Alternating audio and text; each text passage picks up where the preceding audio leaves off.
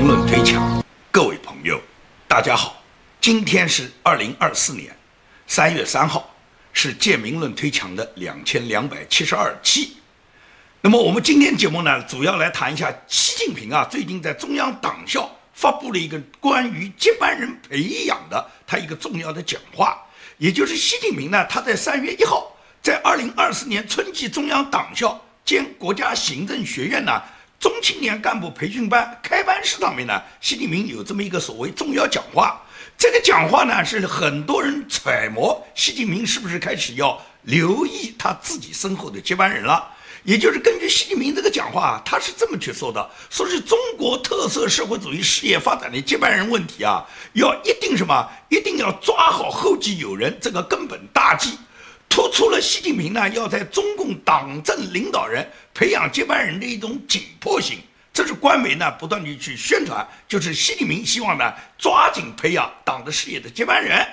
那么这个接班人，习近平强调，年轻干部虽然是要有所作为，但还要有顽强拼搏进取，并且要尽力的接好历史的接力棒。那么年轻干部接好接力棒呢？这是中共呢，他过去一贯的传统的说法。因为历代的这个年轻干部呢，他们都要求你们做好接班人，传好接力棒。但是习近平紧接着强调了一句话，叫做什么？叫做一定要什么？要有堪当强国建设、民族复兴重任的可靠的接班人来接班党的事业。这句话一下子就给了很多人无限的遐想啊！也就是包括那些想上位的那些官员们，他们就认为，哎。堪当强国建设、民族复兴重任的可靠接班人来接班党的事业，那么这个人指的是谁啊？习近平讲这个话是表示什么意思啊？因为历史上习近平在培养高级干部接班人大会上面，他每次的讲话都是什么？都是宣传要培养德智体美劳全面发展的社会主义建设者和各种接班人。那这种话只是广义抽象的套话而已。在中共统治下的中国，谁没有曾经当过共产主义的接班人啊？问题是除了红二代，你们哪一个接到班啊？那么中共一贯呢，是对中国所有的老百姓，从年轻人开始起，就忽悠你们呢，就是做好共产主义事业接班人、做红色接班人的准备。这不过是中共一贯忽悠年轻人的一种语境而已。但是习近平在这一次国家干部行政学院和中央党校开班仪式上面强调，说是一定要选拔那些堪当强国建设、堪当民族复兴重任的可靠接班人。哎，谁能堪当强国建设？谁能够完成民族复兴重任啊？除了他习近平，谁还能实现人类命运共同体？谁还能完成中华民族伟大复兴这么光荣、这么重大的一个历史责任啊？除了他习近平，谁也完成不了啊！那么谁来接习近平的班？谁来帮助习近平一起完成他这个中华民族伟大复兴的这个重任呢？所以说，习近平讲这个话，我感觉到有点像引蛇出洞啊！坐在台底下的人，显然没有哪一个人敢接这个班，来接上党的事业，能够堪当历史重任，完成中华民族伟大复兴的。但是坐在主席台上的人，我相信一定是有人这样想的，因为什么？习近平眼看着就已经日渐衰竭，习近平死在任上的这个概率越来越大了，说不定今年就挂掉了。那他挂掉，谁来接班啊？所以坐在主席台上的人，你看看这些人，也个个是耐人寻味的嘛。在本次开班仪式上，除了习近平是作为党的总书记，他过来亲自讲话，那书记处排位第一的书记蔡奇，他肯定是要坐在这个主席台上了。而且他的讲话，根据官媒的报道，他讲话的篇幅啊，跟习近平是差不多的，几乎来讲的嘛，他现在就是副总书记啊。那么除了习近平、蔡奇之外，中组部部长李干杰，政协副主席叫江新志，因为江新志还兼着什么？兼着这个政治部的部长。其次呢，就是那个普通党员陈希也坐在台上。那么陈希第一个普通党员凭什么坐主席台呢？因为陈希到现在都身兼着中央党校校长、国家行政院院长。你没觉得一个普通党员兼着这么重要的职务是习近平特意的安排，还是说陈希是属于帮助习近平培养年轻干部最主要把关的人物？尽管他现在没有任何党内的政治职务，他只是个普通党员，但是他就管着中央党校，就负责给习近平选拔接班人呢？你别看习近平身边围绕着一批貌似忠诚的什么福建帮啊、浙江帮，习近平高度信任的浙江新军，也就是习近平身边几乎的嘛，几乎他所有重用的人，都是他当年在闽浙沪任职时候他过去的旧下属，几乎都是把浙江当时的嘛浙江省委那帮人全部搬到了嘛，搬到了党中央，搬到了政治局，甚至搬到了常委会。这些人都被习近平安插在中共党政机关最主要的领导岗位上，但是你看看这帮人，除了溜须拍马喊口号，对习近平表忠心之外，维护习近平的所谓定于一尊的他个人的这个独裁地位之外，几乎这些人对社会经济发展、对治国理政、对中国的内政外交，他们本人是完全没有能力的。对经济发展、社会民生，他们根本就毫不在乎。他们反正有吃有喝，家里面所有的老婆孩子。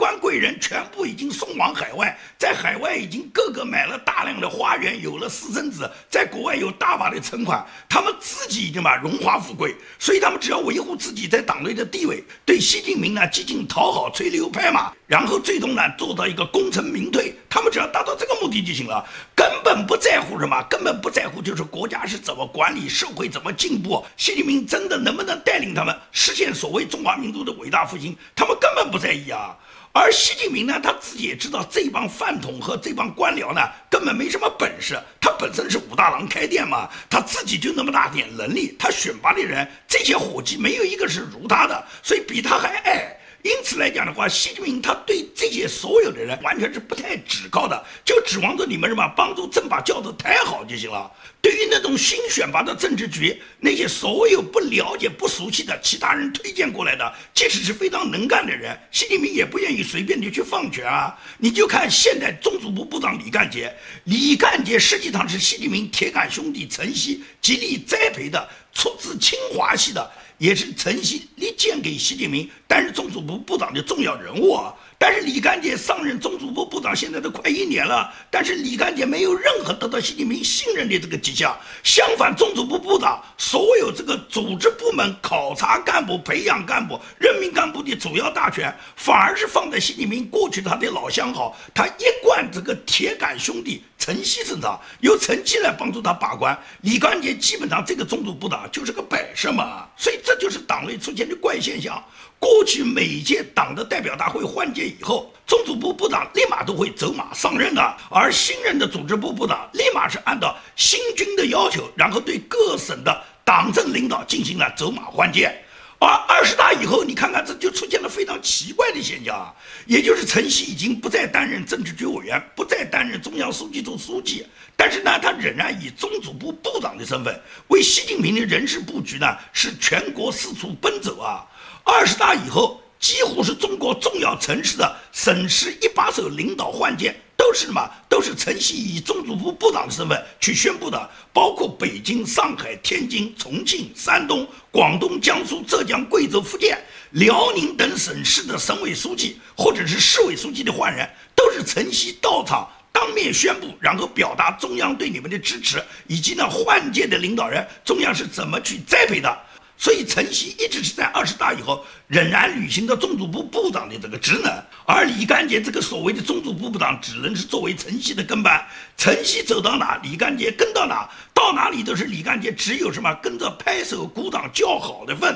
直到去年三月底，陈希出席全国党校校长会议时候，仍然都是以中组部部长的头衔，而李干杰这个正经八百的中组部部长呢，反而成为陈希这个。退役的政府部部长在他后面做一个跟班，直到二十大开完了半年之后，到去年四月份，陈希才算正式卸任了中组部部长。但是他非常蹊跷的，他一个普通党员，又不是组织部部长了，又不是政治局委员，又不是书记处书记了，只是一个普通党员，他仍然继续担任的中央党校校长和国家行政学院院长，这是非常罕见的人事安排啊！也就是大家都知道，中央党校是培养中共高官的地方。国家行政学院是培养政府里面高官的地方，几乎从中央到地方，所有省部级高官都必须到中央党校或者是国家行政学院学习。所谓国家行政学院和中央党校就是两个牌子，一套班子，都是由中央最高领导人来控制的。只不过国家行政学院呢，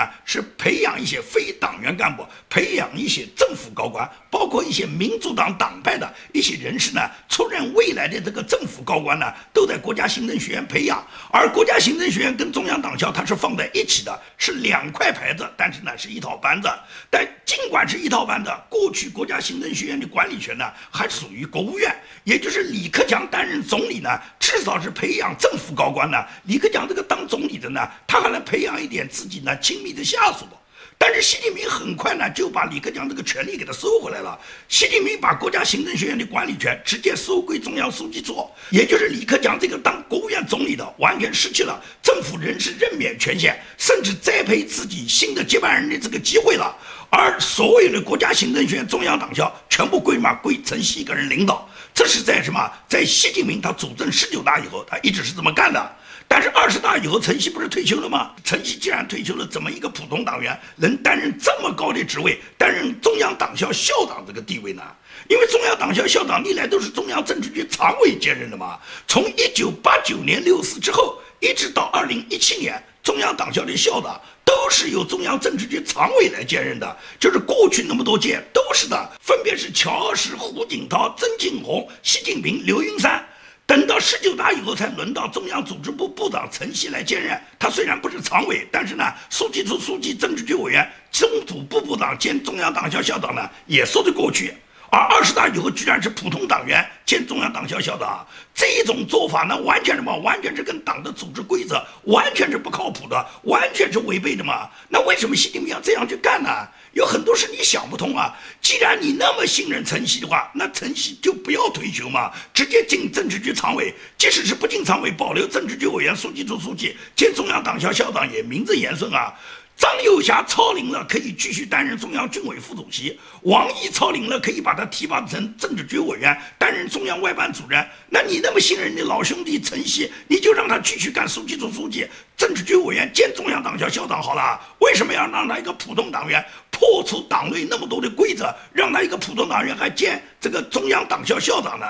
这种做法跟邓小平当年一个普通党员兼中央军委主席做法呢，我感觉都是相当滑稽的，完全是一致的。哪有党内的规矩可以肆意破坏的呢？十九大以后，按照党内的惯例，当时应当由时任政治局常委王沪宁本人来兼任中央党校校长的。但是习近平呢，没有给王沪宁这个职权。习近平不想让王沪宁兼任中央党校校长，这就意味着习近平不让王沪宁有任何栽培呢以后党羽的机会。而习近平希望把这个机会呢，完全握在自己手上，他就让自己的老兄弟，曾经清华的上图的兄弟，这个政治局委员、中组部部长呢，来兼任中央党校校长。那么，把陈希的地位实际上都抬到了政治局常委的这个级别啊。那么，到了今年七十一岁的陈希，他仍然以普通党员的身份。兼任中央党校校长和国家行政学院的院长，实际上是凸显的嘛。习近平他除了信任他的什么福建帮、浙江帮、他的浙江新军之外，只信任陈希，帮助他培养接班人。也就是呢，虽然习近平信任福建帮、信任浙江帮，但是陈曦精心培养的，包括他推荐的清华帮呢，习近平都未必能够完全信任。但是这个不信任，那个不信任，总要有一个人来帮他干活啊。陈曦当然是自己的老臣，他更信任陈曦了。只是陈希值得信任，那为什么不让他连任呢？这是呢所有人呢都想不通的。但是习近平他自己出的各种招呢，也是什么？也是乱招。他就是不让你搞明白。他认为他自己定于一尊，他就可以随心所欲，他愿意怎么改变党的规则就怎么改变党的规则。他可以让那些根本就不到年龄的让你们提前退休，像李克强、汪洋这种七上八下，他们根本没到六十八岁，就让他们先退掉。胡春华连六十岁都不到，让他从政治局委员里面扫地出门。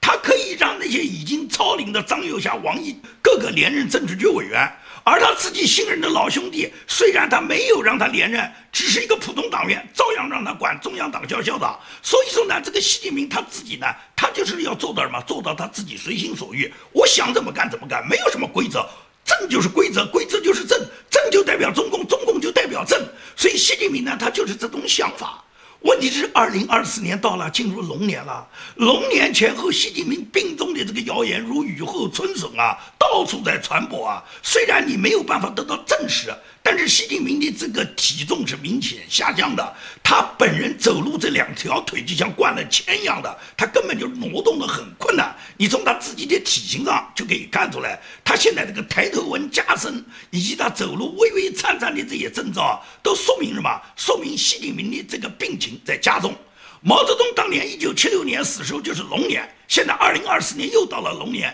你认为习近平他自己时日还有多少吗？我感觉这就是时日不多了。那么时日不多，习近平要不要培养接班人呢？在中央党校会议上面讲这个话，是不是能够显示说他马上要有接班人的培养呢？我觉得习近平他是引蛇出洞，他不在乎要不要什么培养接班人，他就准备死在任上。他准备共产党在他这一任就彻底报废，他死共产党也就亡了。他可能就是这么一个打算。因为中共二十大之前，习近平毫不理会什么接班人的问题，很多人都在考虑二十大以后要不要交班啊，谁来接他的班啊？习近平早就告诉你，他要自己接自己的班。为了接班，他在二零一八年他就完成了修宪，废除了国家主席的这个任期制。最终，他就达到了二十大，他能够继续连任，既连任党的第三任总书记，同时呢，人大换届，他又继续连任国家主席嘛。那么，曾经那些胡温培养的接班人，个个给习近平要么送进京城，要么边缘化。啊也就是历史上，胡温曾经在把习近平选拔为下一代领导人的时候，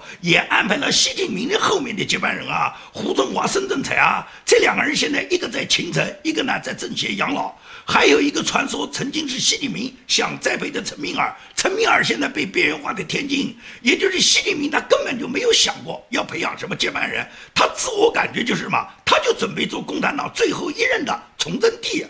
他一直是在改造共产党天下为党天下为他的西天下，他要达到的目的，他就是中共，中共就是他。但是他要保住他创建的所谓西天下，显然是需要有一个忠实的继承其衣钵的继承人，才能把他这个西天下往后传承啊。而这个人是谁呢？习近平能不能找到一个传承他习近平衣钵的人呢？这个人，习近平可能还没想好，或者是根本就没有别人，因为习近平实在找不到他可以信任所托付的这么一个储君啊。但是习近平他始终没有设立储君，那他自己的这个所谓伟大的中华民族要实现伟大复兴的这个事业怎么传承呢？习近平当然希望他自己身后的价值能够什么，能够是名垂千古了。他肯定在考虑的，他死后他的不朽之名是名垂千古，还是被挫骨扬灰的遗臭万年？所以习近平的这个脑袋里面，他认为打下台湾就是千古流芳了，抗击美国就完成了中华民族的伟大复兴了。但是习近平摆在面前的现实就是，和平统一已经没有任何可能了。如果打台湾，很可能是台湾没打下来，自己先死掉了。为什么说和平统一完全没有可能了？香港如果一国两制回归的很顺利，香港人过的是国泰民安，能够一切按照一国两制的这个制度顺延，香港人民一直能过得像他们在回归之前港英统治时期的过去的那种繁荣稳定的生活。那么你拿这个去欺骗欺骗台湾人民，跟台湾人说，那么香港你看看一国两制那么成功，台湾将来也可以一国两制的。如果是香港真的那么好，那你还能忽悠到不少相信未来的台湾也能跟香港一样保持繁荣的一部分人对中共的这个相信。但是习近平等不及啊，说好五十年不变的，他连一半时间就不到，就已经出台了国安法，把好好的一个东方民族的香港就把它毁掉了。那么香港毁掉以后，习近平从来没认为是他自己出台国安法，他自己没有兑现五十年不变港人治港。长期稳定中共一贯对香港的政策，而是什么？而是他认为那些治港的官员这帮人欺君罔上，所以他找一个替罪羊，就是港澳办主任张晓明啊。认为张晓明这个家伙一向什么？一向不忠于领袖，所以对张晓明呢，先是把他贬成了个副职，后来又把他贬成了个闲职，到现在呢，直接是撤职。而且这次撤掉张晓明全国政协副秘书长的职务啊，特别引人注意的还有一个原因，就是张晓明呢跟傅小田的关系相当密切。可能很多人呢未必知道，张小明呢还很特别的关照过傅小田，给傅小田在凤凰台的成长，张小明是大力的嘛，是大力栽培的。也就是在傅小田进入凤凰卫视之前，张小明当时是中联办主任，他要求凤凰卫视的老板刘长乐。重点培养傅小田。而傅小田当时是什么人呢？傅小田只不过是刘英那个普通学生，又没有什么红色家族的背景，凭什么张小明特别要关照他呢？这个里面只能说傅小田和张小明之间，他们之间有什么个人别人不了解的秘密，那只有他们知道了。但是傅小田就是一个普通的英国的留学生，就被张小明相中，他就要求刘长乐一定要大力栽培他。那个时候傅小田还不认识秦刚啊，但是身为中共管理香港的最高官员。张小明对傅小田就是情有独钟，专门要求刘长乐一定呢要培养傅小田，把傅小田把他呢培养出来。刘长乐什么人啊？刘长乐是中共党内曾庆红派系的最重要的一个官员。曾庆红曾经主管中共的特务系统，而凤凰卫视。他的这个创办人刘长乐曾经是中共军情系统总参情报部出来的，也就是凤凰卫视被称为小央视，他的大后台实际上就是总参情报部，由曾庆红一手拨款一手扶持，刘长乐出来组建，最终什么？最终就把这个凤凰卫视打造成中共讲起来是在香港注册的凤凰台，实际上他们大部分的办公都是在北京，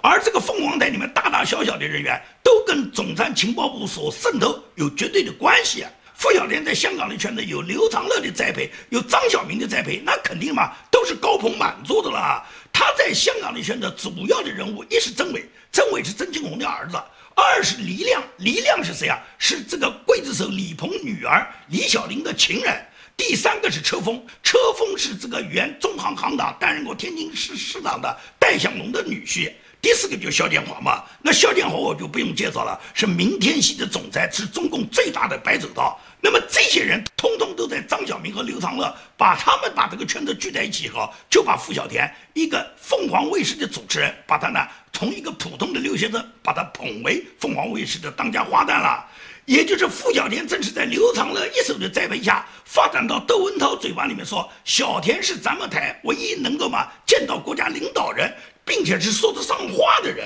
最终傅小天不仅仅是说得上话，还是跟国家领导人睡得上床的。连副国级领导人的儿子傅小天都帮他生在了美国。你觉得有几个中央电视台或者是凤凰台的主持人能跟副国级以上的领导人到美国把私生子生下来的？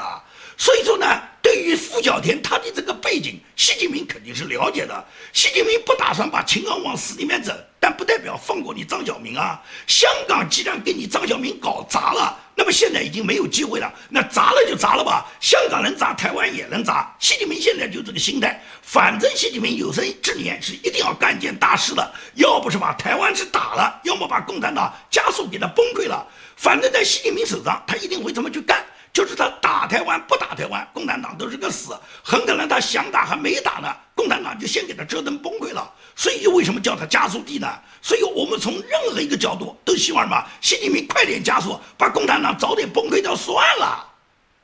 好，今天的节目就跟大家说到这里，谢谢大家。